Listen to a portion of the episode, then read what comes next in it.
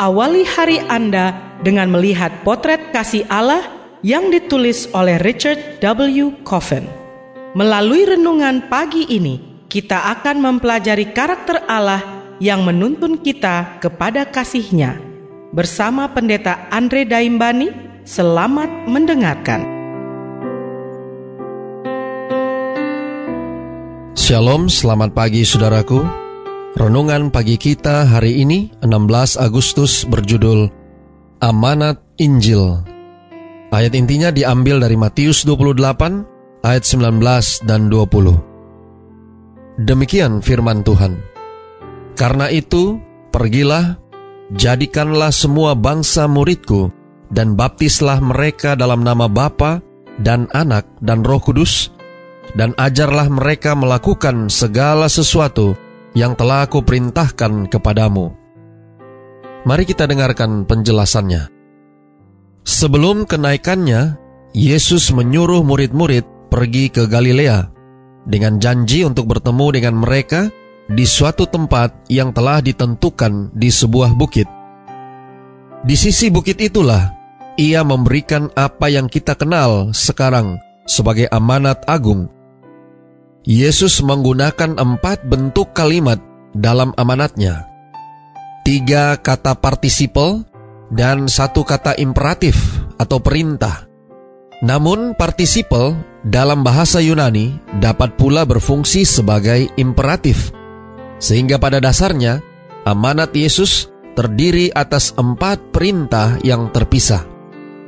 Perintah pertama, pergilah. Maksud Yesus adalah mereka harus pergi ke tempat lain. Ia pun telah pergi berkeliling dan ia berharap agar mereka pun pergi ke tempat lain untuk menjalankan amanat agung itu. Yang ia inginkan dari mereka bukanlah pekerjaan menetap. Mereka harus bepergian. Perintah kedua, jadikanlah muridku. Sambil bepergian itu, para rasul harus mengajar. Tapi Yesus memberikan visi lebih dari sekedar belajar hal-hal intelek. Kata yang digunakannya bermakna pemuridan. Memang benar bahwa murid adalah pelajar, tapi yang mereka pelajari lebih dari sekedar fakta-fakta. Mereka mempelajari bagaimana cara untuk hidup. Istilah ini mensyaratkan keterikatan pribadi kepada pemimpin. Yesus menginginkan murid-muridnya untuk menciptakan kembaran mereka.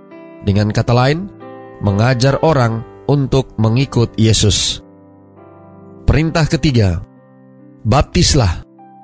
Permandian dalam pelbagai bentuk terdapat di timur dekat kuno, termasuk di antaranya pembersihan di Kumran, tempat ditemukannya gulungan laut mati, dan pembilasan untuk menjadi pemeluk Yudaisme.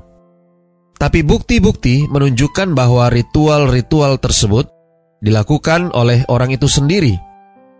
Dimulai sejak Yohanes Pembaptis, terlihat bahwa permandian adalah upacara yang pasif di mana seseorang yang telah diurapi membaptis orang yang menerima baptisan. Baptisan menjadi ritus awal untuk menjadi murid Yesus dan di kemudian hari berkembang sebagai tanda menjadi anggota gereja.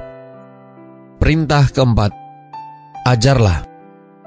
Setelah seseorang menjadi pengikut Yesus, mereka akan belajar apa yang telah diajarkan oleh Yesus. Dengan kata lain, aspek intelektual mengikuti bukannya mendahului keputusan untuk mengikuti Yesus. Menjadi seorang murid adalah pengalaman sosiologis yang diikuti oleh proses intelektual. Dengan kata lain, komitmen mendahului pembelajaran. Saudara-saudara yang kekasih di dalam Tuhan, empat langkah inilah dalam urutannya yang menjadi langkah-langkah Alkitabiah untuk memperluas kerajaan Allah. Doa kita hari ini.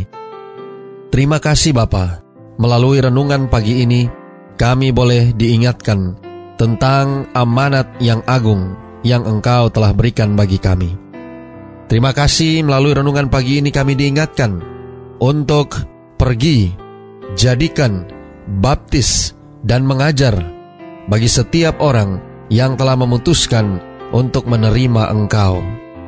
Tolong kami hari ini Bapa, biarlah dengan pertolongan kuasa roh kudusmu, kami boleh dapat melakukan apa yang Injil amanatkan bagi kami masing-masing untuk menjadikan setiap bangsa murid Tuhan. Terima kasih Bapa. Inilah doa dan permohonan kami kepadamu. Semoga Tuhan senantiasa memberkati kita sekalian sepanjang hari ini saat kita melakukan aktivitas kita masing-masing.